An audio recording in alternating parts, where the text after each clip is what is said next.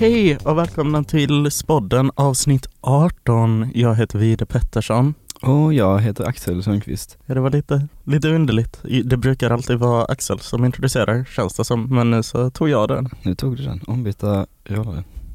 Ja, vi, vi, eh, vi på Spodden är kända för att vara lite experimentella och knasiga ibland liksom. Precis. Och dagens gäst är Walter Lundell, svenska, historia, latin och lite annat lärare. Välkommen. Tack så mycket. Eh, vår första fråga är, eh, vart gick du i gymnasiet och vilken linje gick du? Ja, jag gick ju faktiskt på Polhemsskolan här i Lund. Åh nej. en fiende. Nu är det avslöjat. eh, och där gick jag humanistisk linje.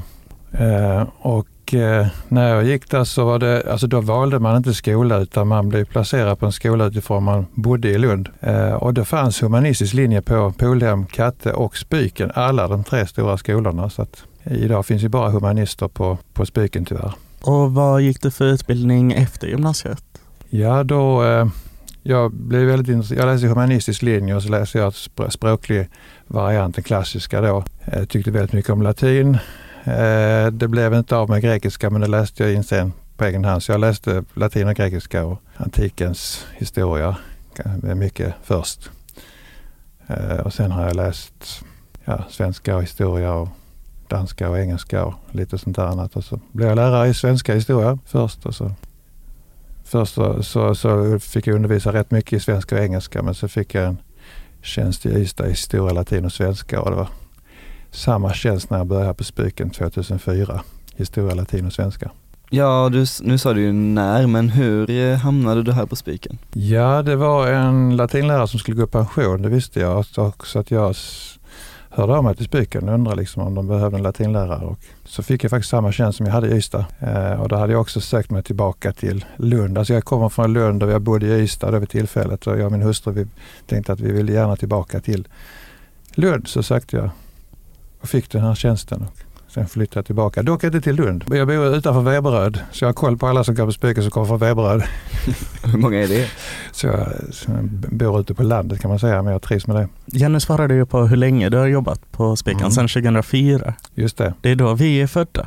ja, det är det. ja, tiden går. Var har du jobbat tidigare, förutom då i Ystad? Ja, för, för innan Ystad som, som lärare då så var jag i Ja, här Lund, det var i Lund alltså på högstadiet och på gymnasiet och i Malmö också på Borgarskolan och sen ett år uppe i Bjuv faktiskt också, nordvästra Skåne, i Bjuv. Så jag kan räkna till tio på bjuvska. I 2, 3, 4, 5, 6, 7, 8, 9, 10. Där hade jag eh, svenska, engelska och alla SO-ämnena plus komvux i svenska och engelska där. Så det, det, det är ganska bra som lärare att ha varit runt på många olika ställen. Men eh, nu när du är på Spiken, vad skulle du säga är det bästa med Spiken? Ja, det finns ju... Alltså det blir en speciell sammansättning av människor. Det är många som är från Lund och har en akademiskt intresse, och har med sig det hemifrån. Eh, men även de som, det är många som pendlar in som bor alltså runt om i Skåne och när de kommer hit här kommer ändå in i samma sätt att fungera och man får lov att vara intresserad av att läsa böcker eller som ni nu gör, producera radio, seriös radio eller poddar och eh, sätta upp spyx och allt möjligt. Alltså det blir bra saker av allting. Så att, eh, det tror jag är väl det bästa, att det finns en sån stor mångfald av intressen bland elever att man får lov att vara. Jag kan tänka att, för jag vet att en del elever som har gått på högstadiet känner sig ganska ensamma i sina intressen men när de hamnar här så tycker de att det, är de inte konstiga utan faktiskt får blomma ut. Och, så, och det tycker jag det, det märks rätt mycket som lärare också på eleverna att det finns den stämningen. Alltså. Eh, jag tänker att sedan 2004, det är ju ett ganska bra tag. Eh, vad skulle du säga har ändrats här på Spiken? Om det har ändrats så mycket? Ja, det är ju en sån konkret. Alltså när jag började så fanns det många äldre lärare som har varit där ganska länge. och så har det varit en stor omsättning också på, på personal och sånt också. Så att så ett tag när jag var jag forskare och sånt där på halvtid och sen på nästan på heltid också. Så när, när jag kom tillbaka på heltid så var det väldigt många i kollegiet, alltså bland lärare som jag inte riktigt kände igen, alltså som var nytt. Så det har varit en stor omsättning där faktiskt. Är det några lärare som fanns här när du började som finns kvar? Ja, Lars Ahl som ni nu har intervjuat en gång innan så han började väl här början på 90-talet. Ehm, ja, ja, men det finns en hel del uppe på vad är Karin Dahlin som är historielärare också. Hon var när jag började. Uh, ehm, nu ska vi se, Sverker gick i pension här nu. Han blev så ställd. Alltså, ja, det är ganska många som har slutat men eh, som är, som är pensionärer nu, men som jag har kontakt med faktiskt. Jag kan, det kanske vi kommer in på här sen, men nu har det varit pandemi och så också, men jag har ju tänkt att jag skulle göra lite speciellt alltså med Spikens historia med elever också och bjuda in de här gamla, alltså de som har undervisat eller gått här för länge sedan och göra lite sådana här event så att de fick berätta om hur det var förr. För det finns ganska många som har jag är någon som, som har vikarierat för mig i latin som faktiskt undervisar här först på 50-talet. Så han är fortfarande going strong. Så att det, vi kan faktiskt utnyttja också de här som har gått på Spöken och undervisat. Alltså de kan komma och berätta rätt mycket. Apropå saker och ting som har förändrats. Mm, det hade jag tyckt var, var, var jätteintressant att veta mm. lite mer om historien. Eh, varför blev det just eh, svenska, historia och eh, latin? Ja, det är en bra fråga. Det är väl utifrån intresse. Alltså jag, jag är en sån som är intresserad av allt möjligt. och Jag tyckte det var roligt att gå i skolan och intresserad av de flesta ämnen att när jag gick i sjuan och åttan, tror jag var helt säker på att jag skulle gå naturvetenskap. Jag var väldigt intresserad av matte och fysik och biologi och kemi. Men sen nian bestämde jag mig för att det ska vara språk och litteratur och så kom in på humanistisk linje. Och, um, latin var det som jag var mest intresserad av. Men så ja, svenska också, litteratur och språket och historia är grundläggande. Allt, allting som jag har läst har alltid haft liksom en historisk aspekt av det. Av intresse och att man tycker det är roligt. Det, det tror jag är liksom som, det, det som gör en bra lärare, att man är intresserad av sitt ämne och att man strålar ut det. Jag tror det är liksom det förutsättning nummer ett. Men av de kurserna du har, har du någon som är din absoluta favorit? Ja, latin. Det är latin? Ja, eftersom det, det, är sånt, ja, det är roligt språk. Man kan inte alltid rationellt förklara varför det, man älskar ett språk, men eh, i det finns ju också att man kommer in på så väldigt mycket. Det har varit internationellt språk i Europa över 1500 år så det är så väldigt mycket annan historia och sammanhang man kommer in på. Och elever kommer och frågar om vad som, de läser Harry Potter och så figurerade latin där och så får man förklara, sätta det i sammanhang. Och, ja, på Caesars tid eller Linnés guida i botan elever och förklara hur han byggde upp latinet kring alla växter och djur och så vidare. Man kommer in på så mycket alltså. Eh, alla ens intressenområden aktualiseras. Eh, vi ska strax gå över till våra frågor som vi har fått av eh, elever på Instagram. Men först så har vi fått, eh, vad ska man säga, en liten, ett litet önskemål om att du ska dra ett historia-skämt då från en annan historielärare. Det var villkoret för att Axel skulle få gå från sin historielektion för att spela in var att vi skulle be dig att berätta ett historia-skämt. Har du något historia-skämt? Som har något med historia? Ja, det finns ju massor, alltså nu är det väldigt aktuellt med, med, med Ryssland och Ukraina och så vidare och Sovjetunionen. Jag brukar ibland ha det på prov för eleverna när jag läser om Sovjetunionen. Där finns ju massa roliga historier som de själva har berättat och som har varit utsatta för saker och ting. Så eh, ja, ett, ett, ett sånt här skämt, och då måste man kunna historien för att kunna förstå skämtet. Men ett sånt här skämt var eh, dessa, då efter 1924 berättar man det här. Varför finns det inga dubbelsängar utan bara trippelsängar att köpa i Sovjetunionen. Den var klurig. Ska vi komma Ska vi gissa? Svar på detta? Svaret är därför att kamrat Lenin är alltid med oss. Stalin sa det. Lenin är död men han lever. Vi ska föra vidare hans arv. Så det var ett slagord. Så jag kan tänka er gifta par som ska köpa dubbelsäng. Nej, det finns trippel, bara trippelsäng. Kamrat Lenin måste alltid vara med oss. Då hoppas vi att den andra historieläraren är nöjd. Men då ska vi gå över till våra Instagram-frågor vi har fått från eh, elever här på mm. skolan. Den första är någon som undrar, hur är det att undervisa i så många ämnen? Är det så många ämnen? Ja det är det kanske. Ja, nu är jag intresserad av ganska mycket men och egentligen så är det ju svårt att hålla sig väldigt så ajour med alla ämnen man har och så också. Men, eh, men det, är, det är roligt, det är variation tycker jag också. att och vissa ämnen är bra kombination, svenska historia till exempel. Ja, men det är roligt. Man får hålla, om man har många olika intressen så får man hålla dem vid liv. Eh, och någon annan undrar också, vad är det roligaste med att vara lärare? Det är faktiskt att se när elever inser någonting, när de förbättrar sig och lär sig någonting. Det är faktiskt den största tillfredsställelsen. Och att man faktiskt lär sig något. Jag lär mig någonting hela tiden. Docendo dissimus säger man på latin, alltså docendo discimus. Vi lär oss genom att undervisa. Som jag, jag vet att vi hade det Axel när vi läste, man läser en roman tillsammans. Även om jag har läst den sex, sju gånger tidigare så ställer någon elev någon fråga om någonting som man aldrig har tänkt på tidigare och som man måste ta reda på. Så känner jag att det är lite lyxigt också att själv lära sig saker och ting som man själv är intresserad av. Så det är en win-win situation om man har intresserade lärare, att man lär sig själv och ser elever också lära sig någonting.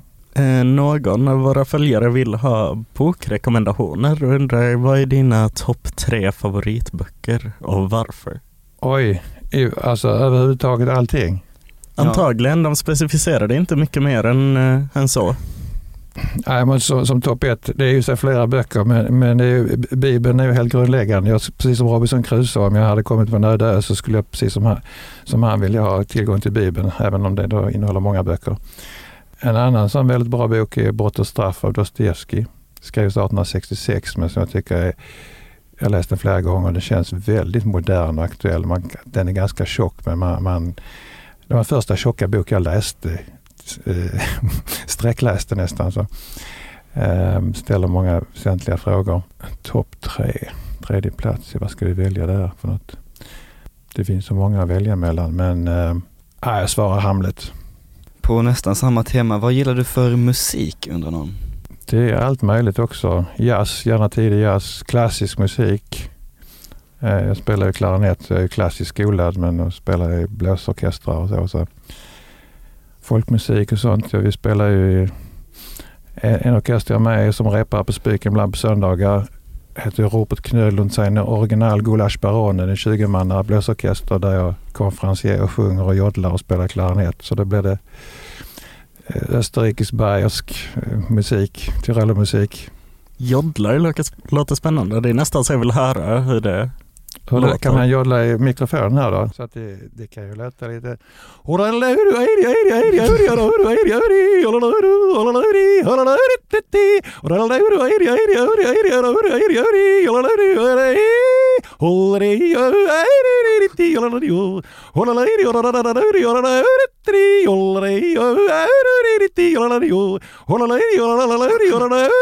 Auf und auf von Lebenslust und voll Übermord. Ja, det är bayerska då. Ja. Alltså det, det var fantastiskt. Det kom från ingenstans och var så imponerande. Det var jätteimponerande. Så det kan du tänka dig då när vi, vi är husband på, på Hofbräuhaus i, i München eller på Augustiner Bräukeller så står man där och joddlar för eh, entusiastiska åhörare och så. Man, ja, så det, det är lite kul att vara med i sådana sammanhang. Ja. ja, från ett ämne till ett annat Hur går man vidare från detta känner jag, men eh, eh, någon tänker väl att du måste ha ganska många klasser som du undervisar. Eh, och undrar vilken är din favoritklass? Oh, det kan man ju inte svara på. Har du en favoritklass? Alltså jag kan säga, jag, jag, jag är ju klassförståndare, jag är mentor i, i HU21 ju. Så att om jag skulle säga till HU21 att det fanns någon annan favoritklass så hade jag ju legat väldigt risigt till. Det känns som att eh, HU21 kände på sig att du skulle svara det och har ställt frågan eh, vad är det bästa med just HU21?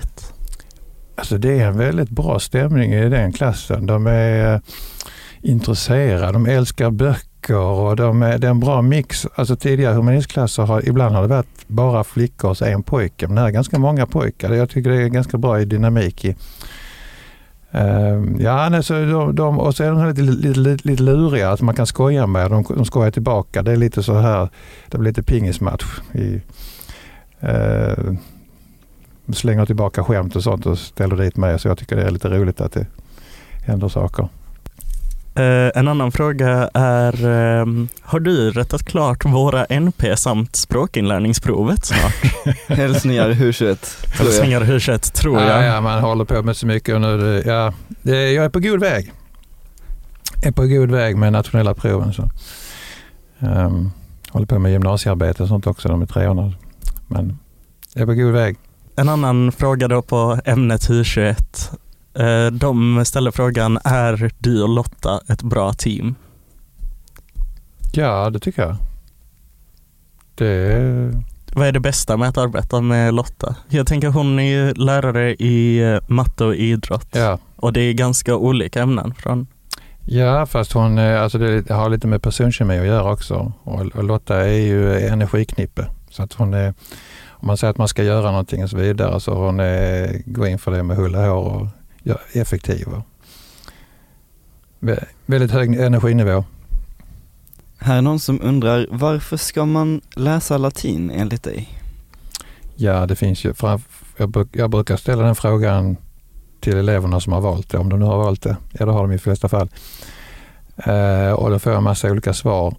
Eh, och någon vågar kanske inte säga det, men jag säger själv då främsta orsaken till att jag gjorde det för att det helt enkelt är kul. Det är kul att lära sig en massa saker om man kan förstå vad ord betyder. Vi har lånat in och man kan eh, förstå sig väldigt mycket. Och de engelska deckare man läser eller varför saker och ting heter så i vår kropp eller växter och djur eller man kan läsa texter av Caesar eller andra stora personer. Det finns så många begrepp och sånt där som cirkulerar så att man får, en, ja, man får liksom en nyckel för att kunna förstå ganska mycket som man stöter på faktiskt. Och man ska just passa på att göra det på gymnasiet när man då har alltså lärarledda lektioner. Att läsa in det på egen hand vet jag att det kan vara ganska svårt att göra. Är det ett svårt språk att lära sig? Alla språk är svåra. Svenska är också ett svårt språk. Men eh, det är som andra, alla språk, att man, man får kämpa sig till och jobba hårt för att lära sig det. Eh, latin är ju inget undantag. Men alltså, jag tycker man är roligt intresserad så är det alltid mödan värd. Ja, nästa fråga. Ser du dig själv som den legend du är? Är jag en legend? Enligt personen som frågade så är du det. Oj då, ja, det får stå för andra. Det kan inte jag själv säga någonting om. Vad, nu, vad det nu innebär med legend. Vi har ju fått lite meddelanden från före detta spikister som sagt att så här, ni måste ha med Walter Lundell, han var min favoritlärare på, eh, på Spiken när jag gick där. Spikister, just det. Ja, för ordet spikist, egentligen är spikist det är någon som har gått på Spiken som inte går där. Det är spikist. Så att jag kommer aldrig kunna bli spikist för jag har inte gått på Spiken. Men ni kommer bli spikister när ni tar studenten. Så vi är inte det nu? Ja, egentligen från början är det, om ni frågar lite äldre så säger de att det är spikister någon som har gått. Men sen vet jag att nu, nu, nu så menar man ju spikister, det är alla som går på Spiken. Så det behöver vi kanske inte bråka om. Lite ordhistoria. Ja, lite så. Jag tänker att en uh, är någon som går här före detta spikist är någon som har gått ut. Ja, kanske. Det tänker nog jag också egentligen. Ja, det kan kanske. Ja, i, så fall, I så fall kan jag kanske vara spikist. Nej, jag har inte varit elev här. Jag har inte varit. Um, vi har en uh, återkommande fråga som de flesta gäster får. Mm. Och även du kommer nu utsättas för denna fråga. Oj då. Uh, frågan är som följer. Vad är din sjukaste festhistoria? Min sjukaste festhistoria? Ja, jag har ju svarat på alla frågor hittills. men Jag har varit med på ganska många fester. Alltså lite roligt, jag vet att när jag festade, alltså när jag var i studentsammanhang och sånt där också, man var på AF och överallt runt om i Uppsala så, och spelade orkestrar och sånt här. Och sen så var det fester hela natten. Jag brukar alltid vara vaken hela tiden medan den andra föll ifrån. Eh, men det fanns något undantag. Det fanns något original i Göteborg. Han lever inte längre. Han höll också på. Vi höll på liksom för fem, sex på morgonen och lagade trerättersmiddag och sånt där medan andra låg runt omkring och sov och sånt där. Och, och så var vi några stycken som åt och då, då, då, då ibland så ordnar man sådana här visningar, alltså när det var på studentkårer och sånt också, så kanske fem på morgonen satt där och åt en middag. Så kom någon för sig att de skulle visa någon, alltså de gick in i någon studentkorridor och drog ut dem på madrasserna, sovande och visa och så, så tillbaka igen. Det kallas för visning. Det bara var en sån här dum grej alltså. Men med finnarna gick det inte det. När de, de, för de kom då fem på morgonen och sa, ja när börjar kalaset? Milopio alga, alltså så liksom, då börjar de komma igång. Så att, jag vet inte om det är en sjuk festhistoria. Jag tycker inte att det ska, oh, om det är sjuk menar jag att det är depraverat eller så, men det kan ju hända tokiga saker där också på visning. Ja, det finns en annan historia i och för sig. Jag vet att det var en annan, det var på Mal med Malmö symfoniorkester. Man tänker att de, vi skulle spela för Malmö symfoniker, de skulle avsluta sin, där på, på Konserthuset. Och så, så um, hade de ju världens fest. Alltså de drack jättemycket. Och så var det en i vår orkester, en trombonist, som, som hade druckit jättemycket. Så vi tog en taxi till Lund och så gick vi ner och la oss i vår lokal där nere i AF källare. Och sen så eh, när han vaknade, trombonisten, sa ja, tack för att du tog hand om mig Walter, sa han när han vaknade. Eh, jag vill skyldig dig någonting. Vadå? Ja, så för taxin. Eller var det en taxi? Han hade liksom inget speciellt Linda Och det här var en, en mycket välartad medicinare som nu är en framgång läkare, framgångsrik läkare i, i vårt land. Inga namn. Alltså Ja. det är ju spännande historia. Jag Ja. känner fortfarande att jag inte kan komma över joddlandet faktiskt. Inte jag. Det, det känns som det är så här inprintat i min hjärna nu. Folk blir ju glada. Du, man kan säga, alltså, i, om, man, om man är nere i Bayern, Österrike och så vidare så tycker de att det är ju inget konstigt. De tycker inte det är konstigt med blåsmusik eller så att man tar det seriöst eller man joddlar. Men i, i Sverige så är, finns de tycker de att det är så ovant så att de vet inte, vet inte riktigt hur de ska förhålla sig till det. Men, men visst blir visst blir folk glada av joddling. Vi ska gå till vår nästa fråga som vi har fått och det är en som frågar Minns du den triangelformade mjölken? Ja, Gör du det? det gör jag. Det är ju Lunda-uppfinning det här, alltså de här Åkerlund Rausing, den här Ruben Rausings förpackning. Fast det, den var ju inte stor i Lund för här man den andra förpackningen ju, men den är ju internationell. Så den kommer jag ihåg. Det finns inte den kvar i eh, kaffegrädds... Jo då. Ja. men jag tror att den här frågan är lite mer specifik och ansluten till förra året. För följdfrågan är, saknar du ES20B? Om det kan ge dig en ledtråd. Om triangelformad mjölk. Triangelformad mjölk och ES20B, Eh, alltså min klass. Det kopplar jag nog inte riktigt. För det var så att ibland innan våra lektioner så kom du in i klassrummet, så var det en, jag tänker inte nämna vem, vem, men det hände ofta att det låg en triangelformad mjölk på då lärarbordet längst fram. Var det, no- det var inget du noterade? Ja, jag har redan glömt. Var, var, det, var det en statement från klassen eller? Jag vet inte, men det var mystiskt. Men okej, saknar du E ES20B? Ja, naturligtvis. Hade du dem i svenska då? Svenska var det. Det var rätt mycket pandemi, det var mycket distans Ja. och sånt där. Pandemin, det, är lite märkligt. Jag har lite konstigt, jag har svårt att få ihop kronologin nu under pandemin när saker och ting hände och så också. Men jag kommer kom ihåg att vi hade, var det 50-50? Distans och... Ja det var konstigt, vi var i två klassrum uppdelade, du var i det ena klassrummet och hade meet in till det andra. Det var Ja. Inte optimalt. Nej, det var inte alls bra. Vår nästa fråga kommer eh, också igen från HU21. Vad tycker du om ditt smeknamn Valleboy? Valleboy, Mm. det visste jag inte att, att jag hette, men Valle har ju andra sagt tidigare, alltså när jag gick i skolan, de sa alltid Valle. Men Valleboy, det har jag nog inte hört. Det kanske eleverna säger, men jag kanske, inte har, jag kanske har filtrerat det. Då. Vår sista fråga har vi kommit fram till nu, tyvärr. Men eh, det är en spännande fråga. Jag vet inte riktigt vad den innebär, men jag tänker att om man har haft dig som lärare så vet man nog. De vill att du ska förklara vampyrtestet och undrar om det i hemlighet kanske är du som är vampyren. Ja, alltså vampyrtestet det går ju till så att Alltså anledningen till att jag har gjort vampyrtestet det är helt enkelt när jag kommer in i klassrummet. Det kan vara strålande solsken ute. Jag tycker liksom fantastiskt med ljus, man blir gladare. Och så kommer man in i klassrummet så har de dragit ner alla gardiner och det är beckmörkt och de sitter och läser eller, eller någonting. Det, det är inte normalt. Så tänker jag att det måste ju vara någon vampyr då. Så jag testar dem då helt enkelt att snabbt släppa in ljuset om då ljuset faller på en elev som är vampyr så kommer den eleven att vrida sig som mask under krok eller som man droppar citronsaft på någon ostron eller snigel. Alltså vrida sig i kramper. Det är ett vampyrtestet om man nu misstänker att man har sådana elever. Och ja, följdfrågan var ju då, är det egentligen du som är vampyren? Nej, Nej. Du hanterar Ja. solljus bra. jag, jag, jag suger inte blod av någon. Jag, jag har eget blod så att jag parasiterar inte på någon.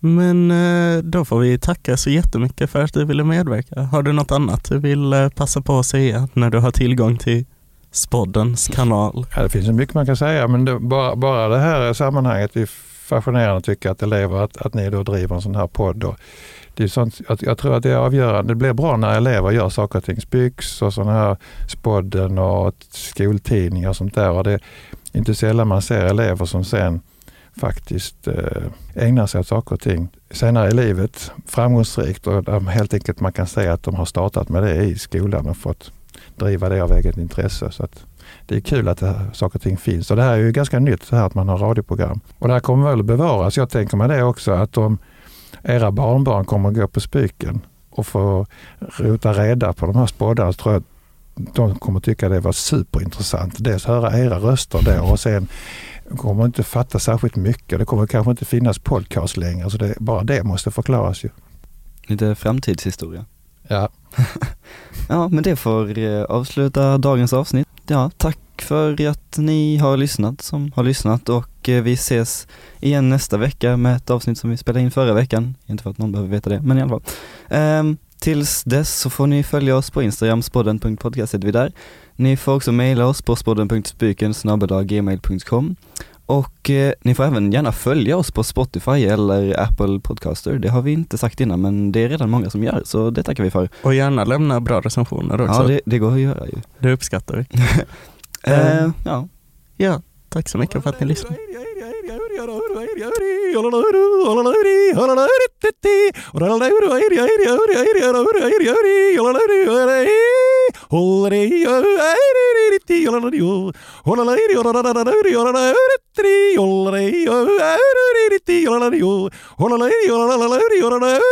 Auf und auf von Lebenslust und voll Übermut.